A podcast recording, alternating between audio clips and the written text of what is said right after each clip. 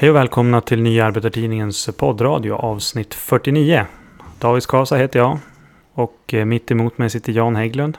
Hej hej. Tjena. Det regnar ute. Jo, det regnar ute. Jag trodde att det skulle höras i mickarna här, men det gör det ju inte.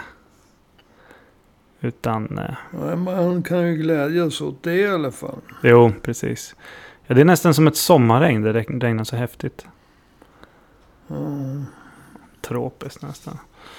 Ja, du, innan du börjar snacka om arvodena så vet jag att det där är ju ett ämne för senare eh, eh, avsnitt. Det var något nummer där, 238 eller något sånt där. Då ska vi gå igenom det. Mm. Då har jag fått det sagt. Kan vi gå in på dagens ämne.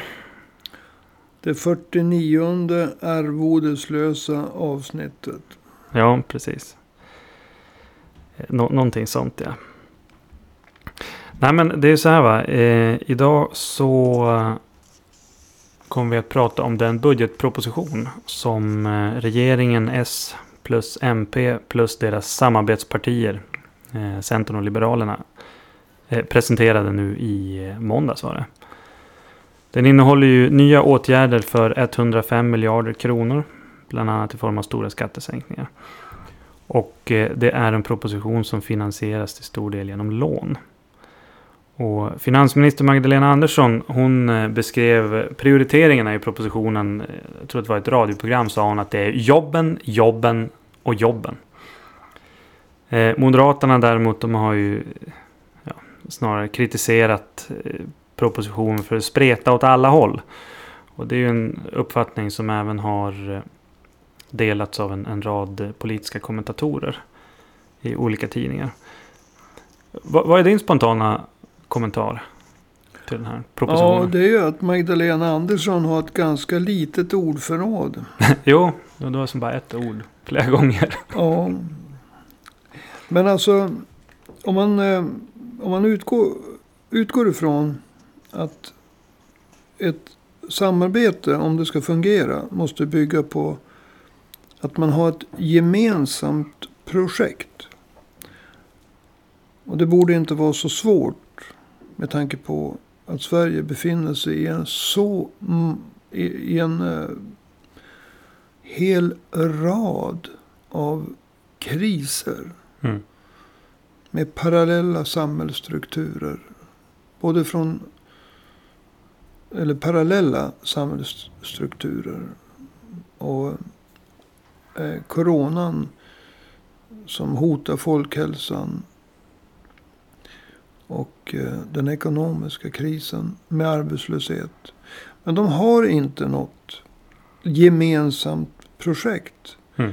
Utan det handlar om att det är, ja, det är ett lapptäcke. Det, det, det framstår väldigt tydligt att det handlar om en kompromiss mellan S och MP och Centern och Liberalerna. Där alla har fått några av sina hjärtefrågor tillgodosedda.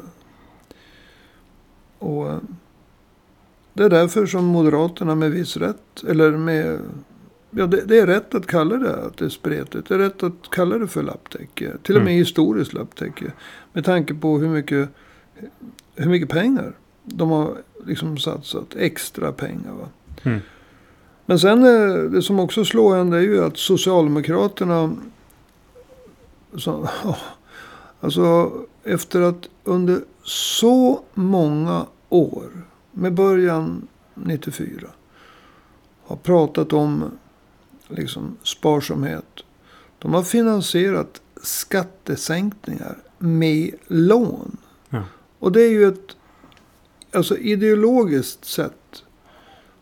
Så har alltid Socialdemokraterna, om man tittar till exempel i en vanlig debatt på Umeå kommunfullmäktige. Eller i andra kommunfullmäktige. Det finns 290 stycken. Eller i regionfullmäktige, det finns 21 stycken. Eller i riksdagen. Så har sossarna alltid kunnat säga skatterna. Mm. Vi vill inte sänka skatterna. Vi vill slå vakt om välfärden. Det har varit det enklaste, snabbaste sättet att förklara skillnaden mellan dem och de borgerliga alliansen, Moderaterna. Mm. Och nu så har plötsligt, vad heter det, eh, finansminister Magdalena Andersson slagit fast att eh, skattesänkningar, det är sociopolitik när den är som bäst. Ja, det är verkligen en 180 graders sväng. Eh, vi ska återkomma till skattesänkningarna. Eh, jag tänkte en av de stora sakerna som coronapandemin har visat upp är ju alltså vilka enorma brister som finns inom sjukvård, äldreomsorg eh, och så vidare. Finns det någonting i den här budgetpropositionen som drar åt att rusta upp just den typen av verksamheter? Alltså man har ju anslagit, liksom, om man räknar ihop både generella bidrag till kommuner och regioner, som landstingen heter numera, Mm. och specificerade bidrag, så kan man få ihop en siffra på 26,2 miljarder kronor. Mm. Men det här är ju engångspengar. Och det här ska ju då jämföras med skattesänkningarna. För att vad, vad som har hänt i Sverige är ju att dels så har vi haft och har fortfarande och nu så verkar den göra comeback. En corona, ett coronavirus som har tagit fart igen och som har utsatt det svenska samhället, framförallt sjukvården, för väldiga påfrestningar. Mm. Det, har, det här drabbade sjukvården efter att sjukvården har fått ta stryk i form av nedskärningar under många årtionden. Coronan innebar att många andra saker har tvingats skjutas upp. Det handlar om besök, provtagning, diagnoser och behandling. Och därför talar man med rätta om en vårds, vårdskuld. Mm. Det är den ena sidan. Behoven, alltså kraven på sjukvården har ökat ytterligare på grund av att man har på grund av att man måste hantera coronan och sen då så har man en vårdskuld. Man har haft små resurser redan tidigare. Och så har 17 av Sveriges 21 regioner, tidigare landsting, beslutade i fjol att påbörja nya nedskärningar i år. 17 av 21. Västerbotten, Norrbotten, Stockholm. Och i den här budgeten finns det ju inget trendbrott där man river upp de här nedskärningspaketen. Utan det är ju engångstillskott. Mm. Om man då jämför med skattesänkningarna. Som vi kan komma in på. Men jag måste säga det. Så är ju, sänker man till exempel inkomstskatterna, vilket man har gjort. Då är ju det för all framtid. Därför att det här, så, så, ja, alltså när, när eh, alliansen sänkte skatterna. Ja, då har ju inte Socialdemokraterna efter alla år i regeringsställning återinfört dem. Nej. Utan en skattesänkning har ju en tendens att bli bestående. Så för att sammanfatta. Kommuner och landsting är i ett desperat behov av pengar. De får ett engångstillskott. Men samtidigt finansieras det med skattesänkningar. Som kommer att bli bestående härifrån till evigheten. Men om jag hade varit en socialdemokrat då hade jag ju sagt till dig idag. Ja men det finns ju ett äldreomsorgslyft här. Det är ju en satsning som, som Löfven då eh, gör på. Eller Magdalena Andersson. Det är ju stora pengar som går till äldreomsorgen. Fyra miljarder bara nästa år. Ja, 4 miljarder ska fördelas. Men Sverige har 290 kommuner. Som alla bedriver äldreomsorg. Och för en medelstor svensk kommun med drygt 100 000 invånare. Typ Umeå. Alltså. Ja, typ Umeå. Så motsvarar äldreomsorgslyftet ungefär 40-50 miljoner kronor. Och självklart, pengar är välkomna tillskott. Men efter många år av nedskärningar. För det, sådana har ju inte bara drabbat sjukvården. Utan väl, i väldigt hög utsträckning även äldreomsorgen. Mm. I Umeå under 25 år. Av minskad personaltäthet. Så jag menar vad ska man göra? Ska man anställa folk år ett? Och kanske måste avskeda dem år två? Alltså det är inte önskvärt. Utan det blir ju... Det är därför det kallas för lapptäcke. Alltså att dra undan den långsiktiga finansieringen av välfärd. Som sjukvård, äldre och andra omsorger och skola. Genom att sänka de regelbundna skatteinkomsterna. Och så tillskjuta upplånade medel. Mm som ett sorts engångstillskott. Med lite grann som spiller över år 2022. Det är ju inte hållbart. Nej. Och alla pratar om inte bara hållbar politik i miljön. Utan det ska vara hållbar politik när det gäller det sociala. Det ska vara hållbar politik i ekonomin. Det här är inte hållbart. Det här är riktigt tunt. Nu, Man kan säga att budgeten har gått genom isen. ja, precis. Nu kanske till och med lyssnarna kommer höra regnet här ute. Det regnar på riktigt ordentligt. Eh, då är det bra att vi går in på det här med skattesänkningarna. Alltså, du har ju nämnt dem lite grann. Hur, hur mycket är det det handlar om och vad är det de har tänkt sänka? Ja. När det gäller skattesänkningarna så eh, handlar om strax, strax under 30 miljarder kronor bara under nästa år, Mm. 2021. Och det är till de skattesänkningarna som pengarna har lånats upp. Och jag vet inte om de har tänkt fortsätta låna härifrån till evigheten. Men det handlar om sänkta inkomstskatter, sänkta skatter för företag, sänkta arbetsgivaravgifter för ungdomar, sänkt skatt för pensionärer. Mm. Det här tillhör det mest uppseendeväckande i hela budgeten. Du, du har sagt det tidigare. Hur kommer det sig att du tycker att just skattesänkningarna är uppseendeväckande? Ja, alltså. Dels eftersom jag har hört Socialdemokraterna på alla nivåer. Riksdag, region som det heter nu, kommun. Där de ska snabbsammanfatta. Vi finansierar välfärden. Vi sänker inte skatter. Mm.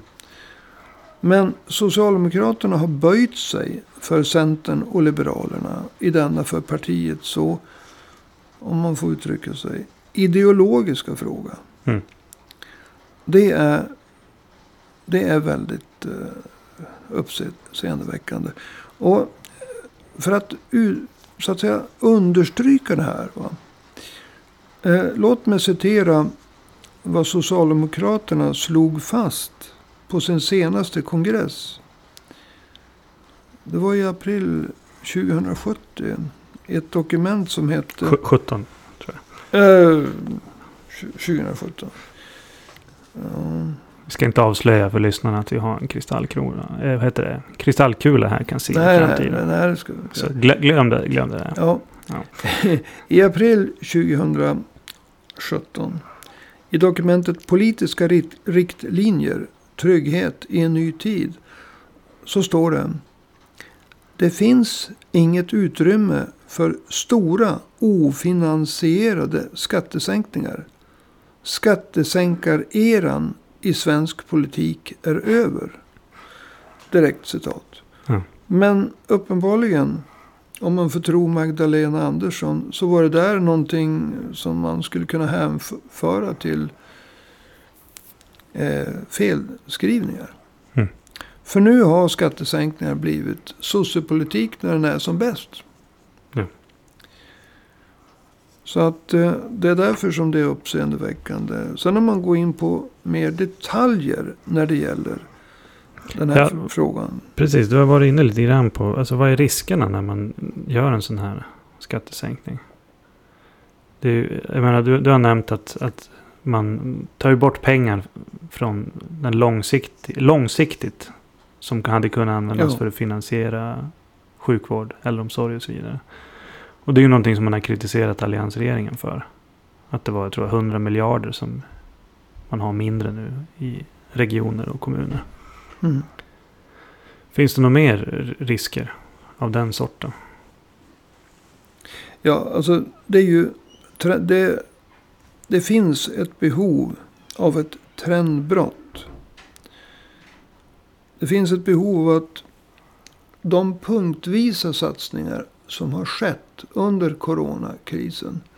Till exempel, om, om, om jag tar det jag kan bäst. Västerbotten. Så har till exempel de som tar prover. Där har man gjort en punktvis satsning för att kunna öka kapaciteten på att ta prover. För att kunna testa folk och så. Va? Men samtidigt så tog man i fjol ett beslut på att skära ner en halv miljard på ja, Region Västerbotten. Mm. Och det ska slås ut på tre år. I år, nästa år och 2022. Och de här pengarna kanske kan så att säga skjuta upp varslen i år. Men de 30 miljarderna innebär permanenta sänkningar av inkomstskatten. År efter år efter år. Och vad sjukvården behöver, och det som gäller för sjukvården gäller även för äldreomsorgen. Det är en generell upprestning. En generell ökning av personaltätheten. Men vad man får är en långsiktig försvagning av möjligheterna att ens finansiera dagens personaltäthet. Mm. Inom sjukvård, äldreomsorg, andra omsorger, skola och den övriga delen av offentliga sektorn. Mm. Moderaterna har ju lagt till att eh, det finns inga, i- inga pengar till, jag tror att det var åklagarmyndigheten. Nu har ju Moderaterna alltid ropat på mer polis. Va? Och eh, Ja, det var ju en sån sak som de faktiskt hade med i sin budget. Mm. Ja. Eh, däremot så var vi mer intresserade av. För vi vet att det aldrig funnits så många uniformerade män och kvinnor på gatorna idag. Polisen ska öka med 10 000. Och eh, dessutom så finns det en, har det skett en enorm expansion av de här privata vaktbolagen. För 20 år sedan hade de en budget på 5% av polisens. Idag har de en budget på 200% av polisens. Men jag tror att det var åklagarmyndigheten som eh, Moderaterna vill ha mer pengar till. Mm. Eh, vad det handlar om är ju hur ska man på bästa sätt bekämpa de parallella samhällsstrukturer som växer fram. Där kriminella nätverk utövar sin egen rättsskipning. Och där sharia-anhängare, islamister, Muslimska brödraskapet, de wahhabitiska salafisterna Mm. utövar sin eh, egen lagstiftning. Och här finns det ju inte mycket att komma med. I budgeten. Alltså det, det är ju att man trampar på i gamla, gamla hjul, hjulspår. Va? Mm. Jo, avslutningsvis tänkte jag att vi ska gå in på en sak som du har varit in en del på. Det är ju den ideologiska biten när det gäller Socialdemokraterna. Alltså, att de nu går med på de här skattesänkningarna. Det är ju som bara en i raden av eftergifter som de har gjort. Alltså, finns det någonting kvar av S? Egentligen. Nej. Det eh, finns ju ingen, eller så här. Det är klart att det finns någonting som är kvar. Men vad de har visat i den här budgeten. Det är att det finns ingenting som är heligt. Mm. För att få behålla regeringsinnehavet. Så har man först slätat ut sig på, inför Miljöpartiet. Och när det inte räcker, ja, den första tiden efter valet 2018. Då regerade man ju på en budgetproposition. Från Moderaterna och KD som var genomröstad i riksdagen med SDs röster. Mm. Sen gjorde man upp, alltså den här 73 punktsuppgörelsen med Centern och Liberalerna. Mm. Januariavtalet. Januariavtalet. Och nu, det här är många som har kallat det här för ett sorts januariavtalet punkt 2.0. Mm. Och huruvida det stämmer eller inte, det vet jag inte. Men alltså, det pågår ju förhandlingarna, förhandlingar om arbetsrätten. Jo. Och Vänsterpartiet eh, har ju hotat att fälla regeringen. Och SD ställer ju gärna upp på att fälla regeringen. Så eh, vad, vad regeringen har visat. Det är att det finns ingenting som de inte kan förhandla bort. Alltså skattesänkningarna har alltid varit en ideologisk fråga för Socialdemokraterna. Inte bara en praktisk fråga som handlar om hur man ska kunna finansiera välfärden. Och med mindre skatter finansiera välfärden mindre. Utan själva det socialdemokratiska samhällsbygget. Det har byggt på, låt mig säga, om jag ska vara väldigt så att säga sparsmakad. Det har byggt, byggt på att stötta stora industriella exportföretag. Och att ha höga skatter. Det är de två ben på vilket den svenska välfärden är byggd. Det är inte alls lika många som jobbar inom industrin idag. Beroende på att man har rationaliserat genom ny teknik. Men kanske i ännu högre grad. Vinsterna som har gjorts i Sverige har investerats utomlands. Och därmed har också jobben flyttat. Kvar finns ju skatterna. Och när man börjar liksom rucka på skatterna. Och säga. Alltså jag har hakat upp mig på det för att jag blir så förbannad. Alltså finansminister Magdalena Andersson fick en fråga i Aftonbladet. Om skattesänkningarna. Som S går fram med tillsammans med Annie Lööf. Mm. Nyamko Sabuni. Och eh, de för tillfället existerande språkrören i Miljöpartiet. De kommer ju och går. Jo. Då säger hon sossepolitik när den är som bäst. Mm. Och jag menar, Ja, det är ju pr- provocerande att Ja. säga en sån sak och inte erkänna att vi har gjort en 180 graders sväng. ja, vi har gjort en gigantisk eftergift. Därför att, och sen så sitter man ju och eh, förhandlar om hur mycket man ska försämra i arbetsrätten. Inte om man ska försämra arbetsrätten. Mm. Så vad de har bevisat är att det finns ingenting. Det finns ingen smärtgräns för Socialdemokraterna. Vi, vår identitet är att vi sitter i regeringen. Och vi ska ha regeringsbildaren. Men vad gör de sen om de efter valet 2022, vilket ju inte är osannolikt, hamnar i opposition? Ja. Då har de ju redan sålt ut allt. Så att bygga upp ett alternativt program i en roll som opposition. Det går ju inte. Nej. Därför att det finns ingen som tror på att vi ska, om sossarna då i opposition skulle säga vi ska finansiera välfärden genom eh, en, en eh, skattepolitik som skiljer sig från eh, borgerlighetens. Mm. Nej men det är ju Men det uppenbart. finns ingen trovärdighet. Vi ska slå vakt om arbetsrätten. Mm. Om man har kompros, eh, liksom kompromissat bort den. Alltså det går inte. Sossarna. Först så klängde man sig fast vid makten för att man trodde att det var bara sossarna som kunde så att säga regera. Sen klängde man sig fa- fast vid makten för att man har ingen identitet om man skulle hamna i opposition. Man klänger sig fast vid makten för att man vet inte vad man vill. Man har ingen ideologisk identitet, ingen riktning, ingenting. Mm.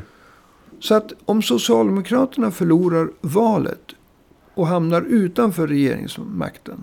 Förlora valet har de gjort hur många gånger som helst. Men alltså de har behållit regeringsmakten. Va? Ja. Men om de gör det nu. Så är det inte bara en förlust av regeringsmakten. Det är också en förlust av den sista identiteten. Vilket är, det är vi som regerar. Mm.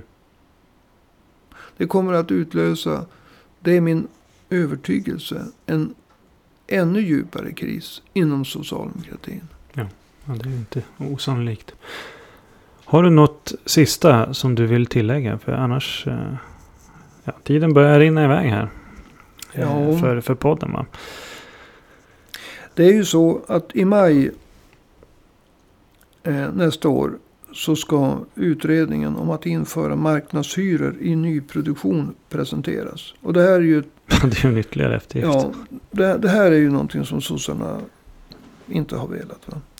Utan det här är ju en av eftergifterna i den här 73, i det här Mm. 73-punkts uppgörelsen, avtalet, januariavtalet med Centern och eh, Liberalerna.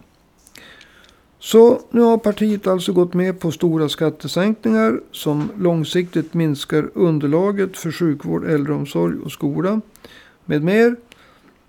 Eh, Man sitter i förhandlingar om att luckra upp arbetsrätten och snart så får vi då marknadshyror i nyproduktion.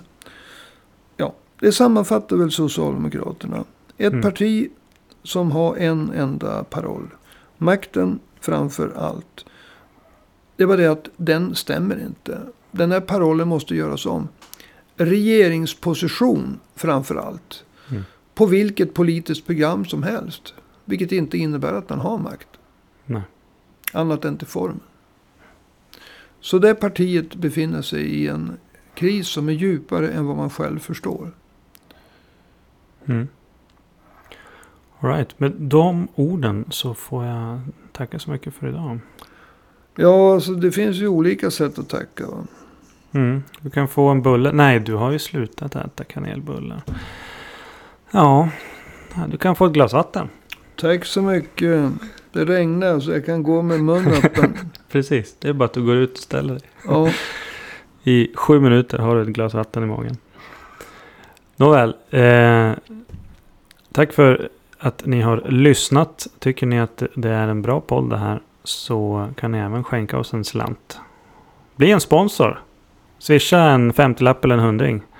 Vi har ett swishnummer som heter så mycket som 123 504 71 05.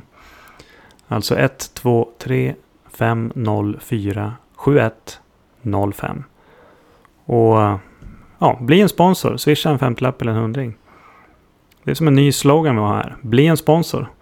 Och vill du göra ännu mer än att bli en sponsor kan du prenumerera på nya Arbetartidningen. 30 kronor i månaden kostade det. Och eh, nytt nummer ute idag. Lördag den 26 eh, september. Och eh, det är faktiskt ett jubileumsnummer. Det är den 150 tidning som eh, vi ger ut. Och det det är värt en liten applåd. Jag kanske ska klippa in ett applådljud. Det är lite löjligt om vi sitter här två personer och applåderar. Hur som helst, tack för att ni har lyssnat. Vi hörs igen nästa vecka. Ha det så bra. Hej då!